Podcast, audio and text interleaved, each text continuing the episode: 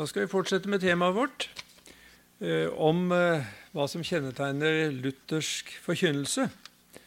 Og Vi er nå kommet til eh, punkt tre forkynnelse av nåden alene.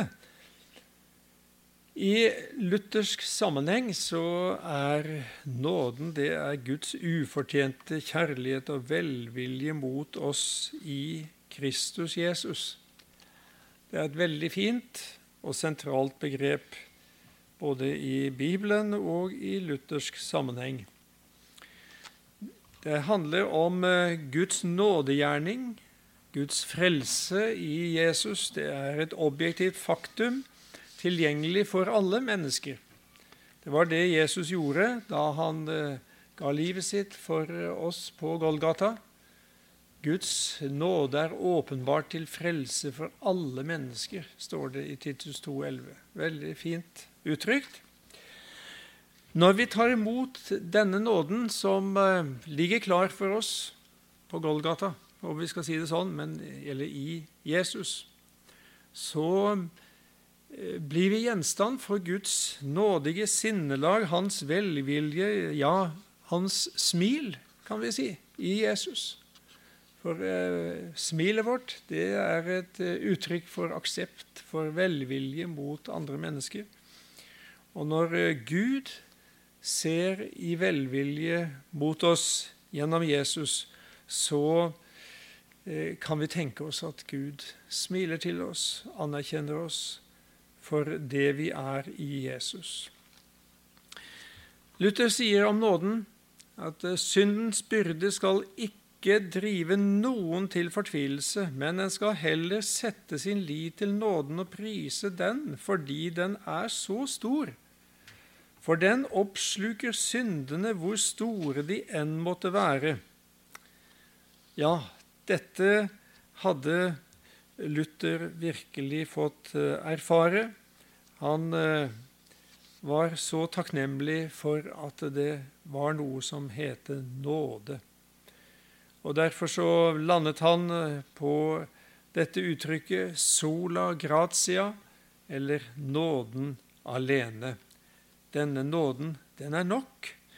Og da er det mulig å få frelsesvisshet, fordi det er noe som uh, gjelder utenom oss. Det er noe Gud har ordnet for oss i Jesus og Han alene. Det var ikke det Luther hadde vokst opp med i den katolske kirke. For eh, der er nåden noe som kommer inn i et menneske som en kraft som gjør det i stand til å bli mer og mer rettferdig for Gud. Og Det er derfor eh, frelsen blir et samarbeidsprosjekt i katolsk tankegang. En blir frelst ved tro og gjerninger. Og da er det umulig å få frelsesvisshet. For når kan du være trygg på at du har gjort nok? Ja, vi som har prøvd oss på den veien underveis i livet, vi vet litt hva det innebærer. Du kan aldri hvile, aldri være tilfreds med at du har gjort nok. Men det du skal få være tilfreds med, det er at Jesus har gjort nok for deg i ditt sted. Bak dette eh, ligger det en ulik eh, forståelse av arvesynden. Den katolske kirke lærer at arvesynden er en tilstand av mangel på den opprinnelige hellighet og rettferdighet. Det er altfor snilt, eh, ifølge bibelsk eh, ordbruk. og Luther og reformatorene de snakket i stedet om syndefordervet en ond lyst som preger hele oss. Bare hør hva som står i Augustana 2. Likeens lærer de at alle mennesker som er forplantet på naturlig vis etter Adams fall, blir født med synd, dvs. Si uten frykt for Gud, uten tillit til Gud og med begjær, og at denne arvelige sykdom og brist virkelig er synd, som fordømmer og også nå fører med seg den evige død for dem som ikke blir gjenfødt ved dåpen og Den hellige ånd. Her er det atskillig mørkere, men på denne mørke bakgrunn er det lyset blir enda klarere. Luther eh, skriver i boken sin om den trellbundne vilje at en synder han er innkrøkt i seg selv. Eh, det er jo eh, det som skjer med enkelte når eh, en blir opptatt av seg selv. Da, da, da ser man inn i seg og sitt. Og da blir man ute av stand til selv å ville det gode. I Augustana 18 står det om den frie vilje. Den, eh, der lærer de at den menneskelige vilje har en viss frihet til å skape en borgerlig rettferdighet. Altså du kan leve greit. Du trenger ikke leve utskeiende selv om du altså ikke er en kristen. Det kalles altså for en borgerlig rettferdighet. Å velge ting som er underlagt fornuften. Men uten Den hellige ånd har den ikke kraft til å skape Guds rettferdighet eller den åndelige rettferdighet. For det naturlige mennesket forstår ikke det som hører Guds ånd til, men den blir til i hjertene når Den hellige ånd blir tatt imot ved ordet. Vi legger merke til hvor sentralt ordet står i denne sammenhengen. Det er troen som tar imot nåden. Men troen er ingen prestasjon, selv om eh, det kan være fristende å tenke slik. Jeg har prøvd meg på det prosjektet og skal få det til å tro. Men det var håpløst inntil troen ble gitt som en gave, som et, en tillit til Guds ferdige gjerning i Jesus Kristus. I forklaringen til en tredje trosartikkel i Luthers lille katekisme står det så fint Jeg tror at jeg ikke av egen fornuft eller kraft kan tro på Jesus Kristus, min Herre, eller komme til Han. Ja, hvis vi hadde stoppet der, så hadde det jo vært nokså håpløst. Men det står heldigvis mer.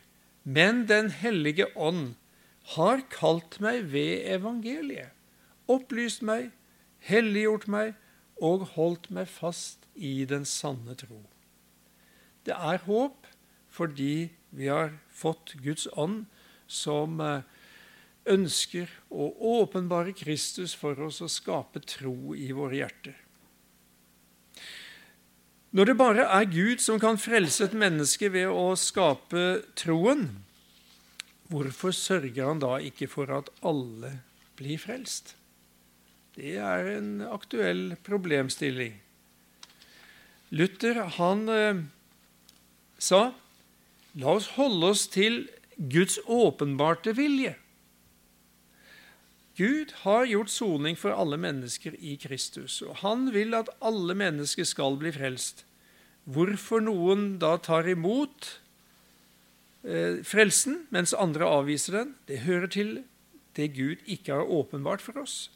Derfor skal vi heller ikke gruble på det. Det tror jeg er en veldig god og nødvendig oppfordring. La oss ikke bruke tid på noe vi ikke kan helt forstå, og som eh, vi ikke kan gjøre så mye med, annet enn å forkynne ordet og be for dem som vi ønsker å nå med ordet, slik at de kan bli frelst ved Guds nåde. Calvin han eh, levde jo delvis samtidig med Luther og var også en reformator fra Sveits. Han inntok et annet standpunkt. Den dobbelte predestinasjonslære, eh, hvor eh, det heter predestinasjon kaller vi Guds evige rådslutning, hvor Han hos seg selv har bestemt hva han vil skal skje med hvert menneske. For ikke alle skapes under samme vilkår. Noen forutbestemmes til evig liv, mens andre til evig fordømmelse. Altså Noen er bestemt til frelse, andre til fortapelse. Og Dette begrunner han med at Gud er evig, Gud er allvitende og allmektig og suveren i sin utvelgelse. Så her kan vi mennesker ikke gjøre annet enn å godta det som, som Gud har bestemt. Men eh, Luther han eh, tenkte annerledes, og vi skal forkynne annerledes enn dette. Og vi skal gjøre det med stor frimodighet. Soningen det gjelder ikke bare de utvalgte, slik som Calvin lærte, men det gjelder alle mennesker. Og Det eh, står det jo flere steder i Bibelen. Jeg kan bare ta med fra 1. Johannesbrev 2, 2, der det står at Jesus han er en soning for alle mennesker. Og Da skal ikke vi begynne å, å, å korte av på det. Og Derfor vil Gud at alle mennesker skal bli frelst. Og Da betyr det alle i antall, ikke bare, som det blir forklart fra reformert sammenheng, alle slags mennesker. Nei, det er alle mennesker som Gud vil frelse. Frelsen og troen det skapes ved Ånden i møte med evangeliet. For det er evangeliet, som er troens ord, som skaper troen i våre hjerter. Troen kommer av forkynnelsen som vi hører, og forkynnelsen som vi hører, kommer ved Kristi ord. Jeg regner med at det bibelverset har blitt sitert noen ganger i løpet av de to årene Lis vitne har vært. For det må jo være noe av det som virkelig gir eh, inspirasjon hos oss til å, å forkynne. Det skapes noe, og det er gjennom ordets nådemiddel så handler Gud også til utvelgelse, til frelse. Og det, det, er en vesentlig forskjell altså fra den tanken om at eh, utvelgelsen skjedde i evighet, til at vi i en forkynnersituasjon kan med stor forventning forkynne Guds ord og tro at nå skjer det en utvelgelse til frelse gjennom Jesus. For det er egentlig bare han som er utvalgt. Det er bare han som er Guds enbårne sønn. Men ved å ta imot Jesus og tro på han, så blir også vi utvalgt i han, og vi blir Guds barn ved han. Det er en stor, stor rikdom, og det gjør at vi da ikke setter oss ned og grubler om den eller den er utvalgt til frelse eller fortapelse, men vi ønsker å by dem Guds ord, evangeliet, som fører mennesker inn i frelsen og inn i utvelgelsen dersom de tar imot ordet. Men eh, selv om frelsen er Guds verk alene, så er eh, det samtidig menneskets ansvar alene om det avviser frelsen og holder fast på vantroen.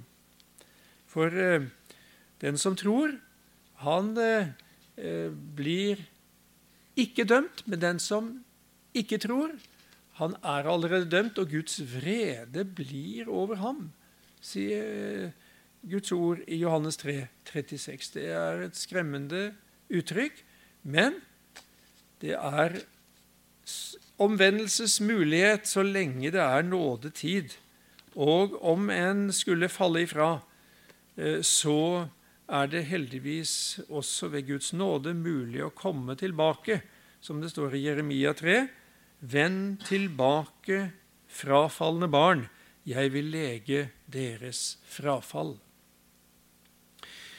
Det fjerde punktet det handler om forkynnelsen som lov og evangelium. Hvis et menneske skal bli frelst, er det helt avgjørende at vi forkynner både lov og evangelium. Loven det er eh, ikke bare de ti bud eller Moseloven. Det er heller ikke bare Det gamle testamentet. Nei, det er et eh, ord, et prinsipp, som går igjennom hele Bibelen. Det er alt det, er det i Bibelen som åpenbarer Guds hellighet. Alt som handler om Guds krav, Guds trusler og Guds straff, det er lovens tale. Luther han eh, sier om det i et sted Loven er Guds krav som døder. Evangeliet er ordet om nåden som gir troen og dermed livet i Kristus Jesus. Gud anklager og dømmer, det er loven. Gud tilsier syndernes forlatelse. Og evig liv, det er evangeliet. Så her er det to helt forskjellige ord i Bibelen. Eh, loven, det er Gud når han anklager og dømmer. Evangeliet er Gud når han tilgir og rettferdiggjør. Alt det som Gud krever med sin ene hånd, det gir han helt og fritt med sin andre hånd. Er du med på bildet? Gud krever alt av deg, og det er alvorlig ment. Det er ikke tøys og tull. Det er virkelig alvorlig ment. Men så er det noe som heter evangeliet, og det er at Gud gir deg det som Han krever. Så det er to helt forskjellige ord. Og det har sammenheng med at eh, Gud han er både hellighet og kjærlighet. Evangeliet, det betyr det gode budskapet, et gledesbud. Det er eh, åpenbaringen av Guds kjærlighet gjennom hele Bibelen. Alt som handler om Guds gave, Guds fred og det evige liv, det er evangeliets tale. Luther omtaler sunn forkynnelse som korsteologi fordi den handler om Jesu vei til korset mens han var her på jord. Det var vanskelig for eh, eh disiplene å akseptere dette, eh, selv om Jesus ved tre anledninger forberedte dem på at han var på vei til Jerusalem, hvor han skulle lide og dø. Eh, men stå opp igjen den tredje dagen. Men det er ikke bare Jesus som er kalt, eller var kalt, til å vandre mot korset. Det er også noe enhver kristen er kalt til. Vi skal også ta vårt kors opp og følge Han, og fornekte oss selv. Det er ikke alltid like enkelt. Og det er slett ikke alltid så hyggelig å fornekte seg selv. altså Det å si nei til noen grunnleggende ønsker og behov som vi kan kjenne på. Men eh, der må vi eh, lære av Jesus og følge etter han, hvor han var opptatt ikke av seg selv og sine egne behov, men av oss og det som var vår eh, nød og vårt behov. Herligheten, den ventet Jesus etter dette livet. For å oppnå den gleden som ventet ham, led han tålmodig korset uten å akte vanæren, og har nå satt seg på høyre side av Guds trone. Og slik er det også for deg og meg. Vi også er underveis mot herligheten, det er ikke her på jord himmelen skal være for oss, men den skal være når dette livet er omme. Da gjelder det å ha blikket festet på Jesus, som det også står om i Hebrevet 12. Eh, om vi skal klare å holde ut i etterfølgelse av Han på korsets vei. Og da trenger vi en klar forkynnelse av lov og evangelium. For eh, Loven den eh, skal avsløre sykdommen, mens evangeliet gir legemiddelet. Ja, Jesus sier jo det er de syke som trenger lege, ikke de friske. Og Derfor så må vi stadig minnes om at vi er syke, åndelig talt. Eh, lov og evangelium må skilles fra hverandre. Men de, nei, de må ikke skilles fra hverandre. De, de skal lyde sammen i forkynnelsen. Men de må ikke blandes sammen, slik at eh, loven eh, blir ufarlig, og, eller at eh, evangeliet blir eh, knyttet til betingelser. Derfor må vi skjelne mellom lov og evangelium. Evangeliet det skal ha adresse til samvittigheten. Loven skal avsløre mine synder og vise hvordan jeg skal leve. Den skal tale til meg om eh, mine oppgaver og plikter. Loven skal legges på min natur, altså på den jeg er, og veilede meg hvor Eh, hvor veien går. Det er Guds gode livslover vi har i de ti bud, f.eks. Og tenk på alle formaningene som, som uh, sier hvordan vi skal leve eller ikke leve. I denne sammenhengen så er det ikke evangeliet vi skal innrette vårt kjød, vår natur, til. Den skal legges på samvittigheten og gi meg frimodighet til å tro at jeg er Guds barn utelukkende på grunn av det Jesus har gjort for oss. Og dette eh, siste uttrykket 'for oss' det vil jeg gjerne understreke som et avgjørende kjennetegn på evangeliet. En forkynnelse om Kristi lidelse og død på korset utenfor oss det blir bare et budskap om Jesus som et godt forbilde. Det vil fungere som lov og dømme oss som ikke makter å leve opp til et slikt forbilde. Det er, eh, Som ved påsketider så ser vi eh, mennesker i enkelte eh, sammenhenger de pisker seg til blods. Altså, Hvorfor gjør de det? Nå ikke, jeg har ikke jeg hatt noe intervju med noen av dem, selvfølgelig.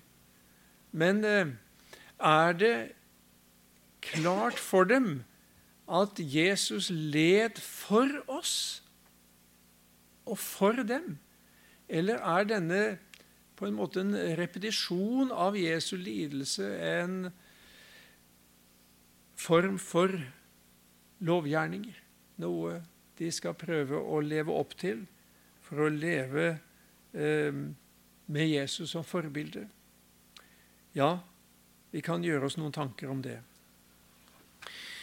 Den hellige ånd han bruker loven til å skape synserkjennelse, og han bruker evangeliet til å skape tro på Jesus Kristus. For ved loven kommer erkjennelse av synd. Ja, det kjenner vi til som har blitt stående overfor lovens eh, mange krav. Og vi har eh, måttet erkjenne jeg holder ikke mål. Jeg lever ikke opp til disse idealene. Alle Guds bud er gitt oss for at du, menneskebarn, skal kjenne din synd og lære hvordan en skal leve for Gud, sier Luther. Og mot dette eh, så kommer evangeliet, eller i, i stedet for dette. Som, eh, det var én som levde opp til Guds bud i vårt sted, og det var Jesus. Og Derfor så sier Paulus at han ikke skammer seg ved evangeliet, for det er en Guds kraft til frelse for hver den som tror. Evangeliet, det er det glade budskap om hva Gud har gjort til frelse for oss i Kristus Jesus. For at vi skal komme til denne tro, er det innstiftet en tjeneste med å lære evangeliet og meddele sakramentene, eh, står det i Augustana artikkel 5. Vi er avhengig av et ord som kan skape tro og nytt liv, og eh, som kan gi oss de, eh, den nåde som eh, vi trenger. For ved ordet og sakramentene som midler blir Den hellige ånd gitt, Han som virker troen hvor og når Gud vil, i dem som hører evangeliet, nemlig at Gud, ikke for våre fortjenesters skyld, men for Kristi skyld, rettferdiggjør dem som tror at de blir tatt til nåde for Kristi skyld. Tror du at du blir tatt til nåde for Kristi skyld? ja, da er Kristi verk, det er ditt. Det gjelder for deg. Du skal få lov til å hvile i det som Jesus har gjort. Det er bare disse nådemidler som kan skape denne forbindelsen mellom deg og Jesus. Disse nådemidler, det er eh, ordet, det er evangeliet, som eh, vi har snakket om, og det er dåpen og nattværen. Disse to siste de kaller vi også for sakramenter. Og Et sakrament er en hellig handling som grunner seg på Jesu befalinger, og som formidler Hans nåde. Det sentrale i er ordet og elementet, vannet i dåpen, og brødet og vinen i nattværen. Og dette er det da vi skal få lov til å ta imot i tro, og få glede oss over at eh, vi får del i Kristus og Hans nåde gjennom disse synlige midler. For som vi leste i Augustana 5.: For ved ordet og sakramentene som midler blir Den hellige ånd gitt, Han som virker troen, hvor og når Gud vil, i dem som hører evangeliet. Det innebærer at luthersk forkynnelse sier at en som er falt fra, han må vende om og bli født på ny ved troen på evangeliet. Det er eh, misvisende å si at en skal vende tilbake til sin dåp. Det er jo en, et uttrykk som brukes eh, hos, hos, enkelte. Eh, ja, nei. Du skal ikke vende tilbake til din dåp, men du skal vende tilbake til Han som du en gang ble døpt til, til Jesus Kristus, og tro på Han som din frelse. Så er jeg veldig takknemlig for at jeg ble døpt som eh, barn. Juledag, første juledag 1950. Jeg er veldig takknemlig for det. At Gud tok imot meg mens jeg ennå var på det ubevisste plan, og eh, han anerkjente meg som sitt barn. Men eh, nå skal jeg få lov til å leve resten av livet mitt i livsforbindelse med Jesus og finne åndelig næring for dette livet i bibelordet som jeg får lov til å ta imot. Spenningen mellom eh, lov og evangelium det kan føre en troende inn i anfektelse. Og Jeg hadde lyst til å bare stanse litt med det ordet, for det, det er jo ikke akkurat noe moteord. Anfektelse. Det kommer fra tysk og handler om å Eh, fekte an, om vi skal snu litt på det. Eh, du ser for deg du er inne i en kamp, inne i en strid. Det handler om troens kamp for å holde fast på Guds nåde. Når loven taler til oss om våre synder, om våre fall og nederlag. Da skal loven hjelpe oss til å holde oss Eller eh, unnskyld Denne kampen som kalles anfektelse, skal hjelpe oss til å holde oss åndelig våkne og se enda dypere inn i evangeliet. Vi har vel lett for å være litt kampsky heller eh, trekke oss unna. Men eh, i Augustana 20 står det noe viktig om dette med anfektelse.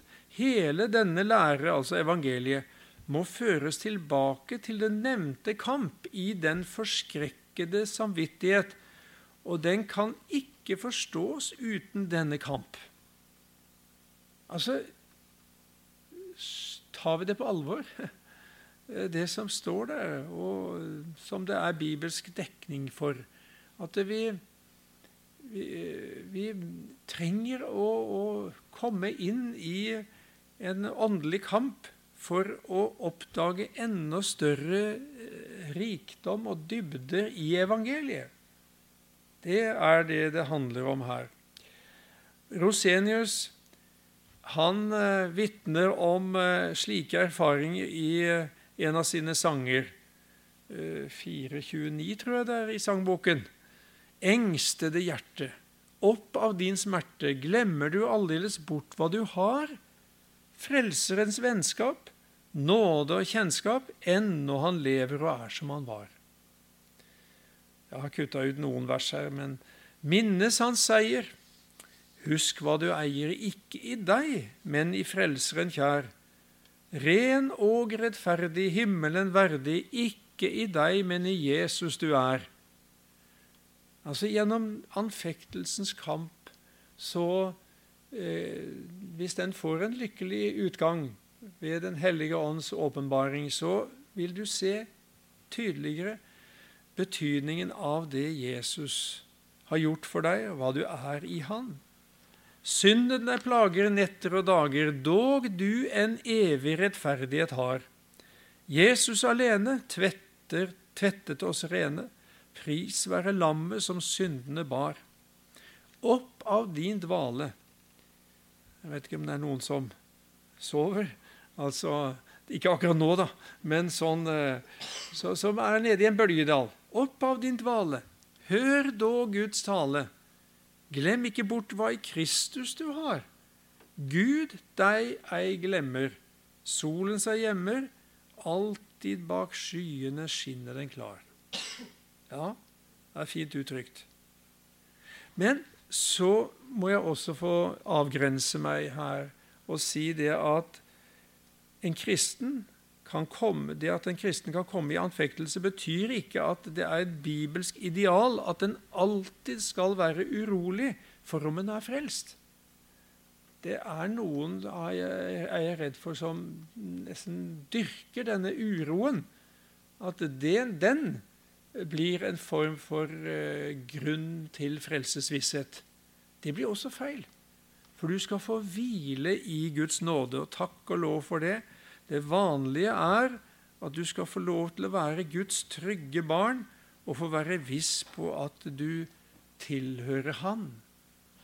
Så skal ikke du oppsøke anfektelse og, og, og åndelig mørke. Det sørger Gud for å lede deg inn i eh, hvis han ser at det er nødvendig. Men eh, han eh, vil at du skal ha blikket festet på Jesus.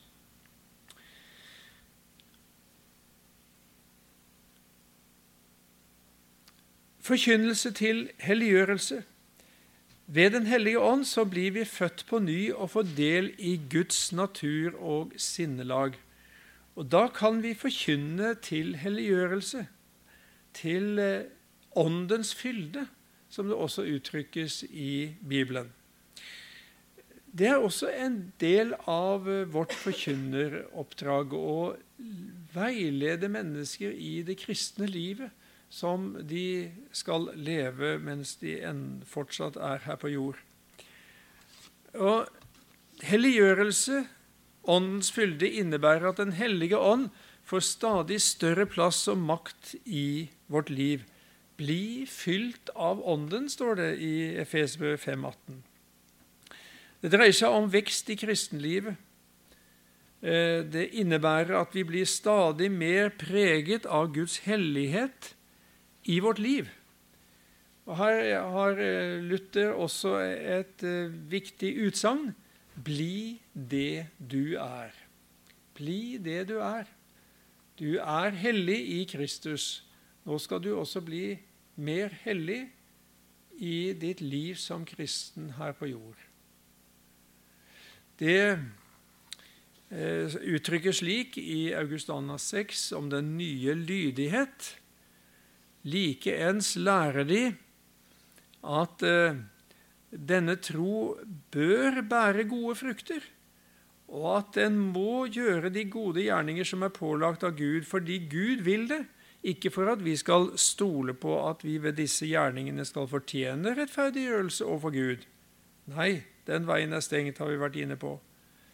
For synsforlatelsen og rettferdiggjørelsen blir grepet ved troen. Men livet sammen med Jesus ved Den hellige ånd fører til åndens frukt, eller gode gjerninger. Det er ni slike frukter som er eh, oppregnet i Galaterbrevet 5, 22. Åndens frukt er kjærlighet, glede, fred, langmodighet, mildhet, godhet, trofasthet, saktmodighet, avholdenhet. Og Nå kan jo si det at vi kjenner jo igjen flere av disse egenskapene også hos ikke-kristne mennesker. Mange av de som er både kjærlige og gode og tålmodige. Men eh, disse egenskapene som er nevnt her, de har en helt spesiell opprinnelse, nemlig hos Gud. Så det er spesielle egenskaper, kvaliteter, som bare den eh, kan ha som lever i forbindelse med Jesus, og som har Den hellige ånd. På hver av disse kvalitetene står det 'made by God', ikke 'made by yourself', eller noe lignende.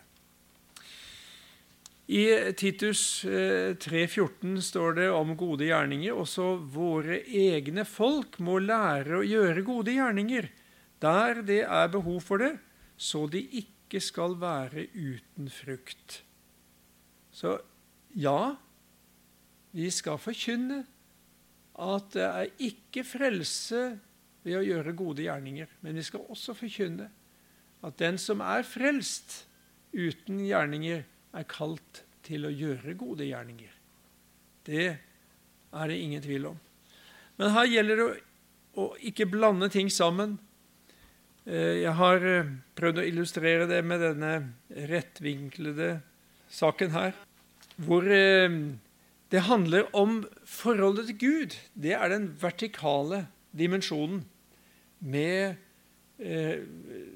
hvor det handler om rettferdiggjørelse ved tro på Jesus Kristus. Det er Kristus for oss. Og når Han tar bolig i oss ved troen, så blir vi født på ny. Og da begynner Han å virke i oss, og det kalles da for helliggjørelse. Det er noe som våre medmennesker skal ha nytte og glede av ved at vi blir mer og mer preget av Jesus. Den lutherske forkynnelsen til helliggjørelse understreker evangeliets kraft til det nye liv på bakgrunn av det Gud har gjort, selv om vi tar ansvar for å slippe Ånden til gjennom nådemidlene, så er helliggjørelsen framfor alt Guds gjerning. Må Han selv, fredens Gud, hellige dere helt igjennom, og må deres ånd, sjel og legeme bevares fullkomne, ulastelige, ved vår Herre Jesu Kristi komme. Han er trofast, som kaller dere, han skal òg gjøre det. Det er veldig godt å få hvile i dette, at eh, også den forvandling som vi er kalt til å leve i som kristne, det er Guds verk. Det er noe Han skal gjøre i oss og gjennom oss. Til avslutning luthersk forkynnelse skal kjennetegnes ved at den er fundert på Skriften alene, på rettferdiggjørelse ved troen alene, at frelsen gis av nåden alene, den formidles ved lov og evangelium, og peker på helliggjørelsen som Guds verk.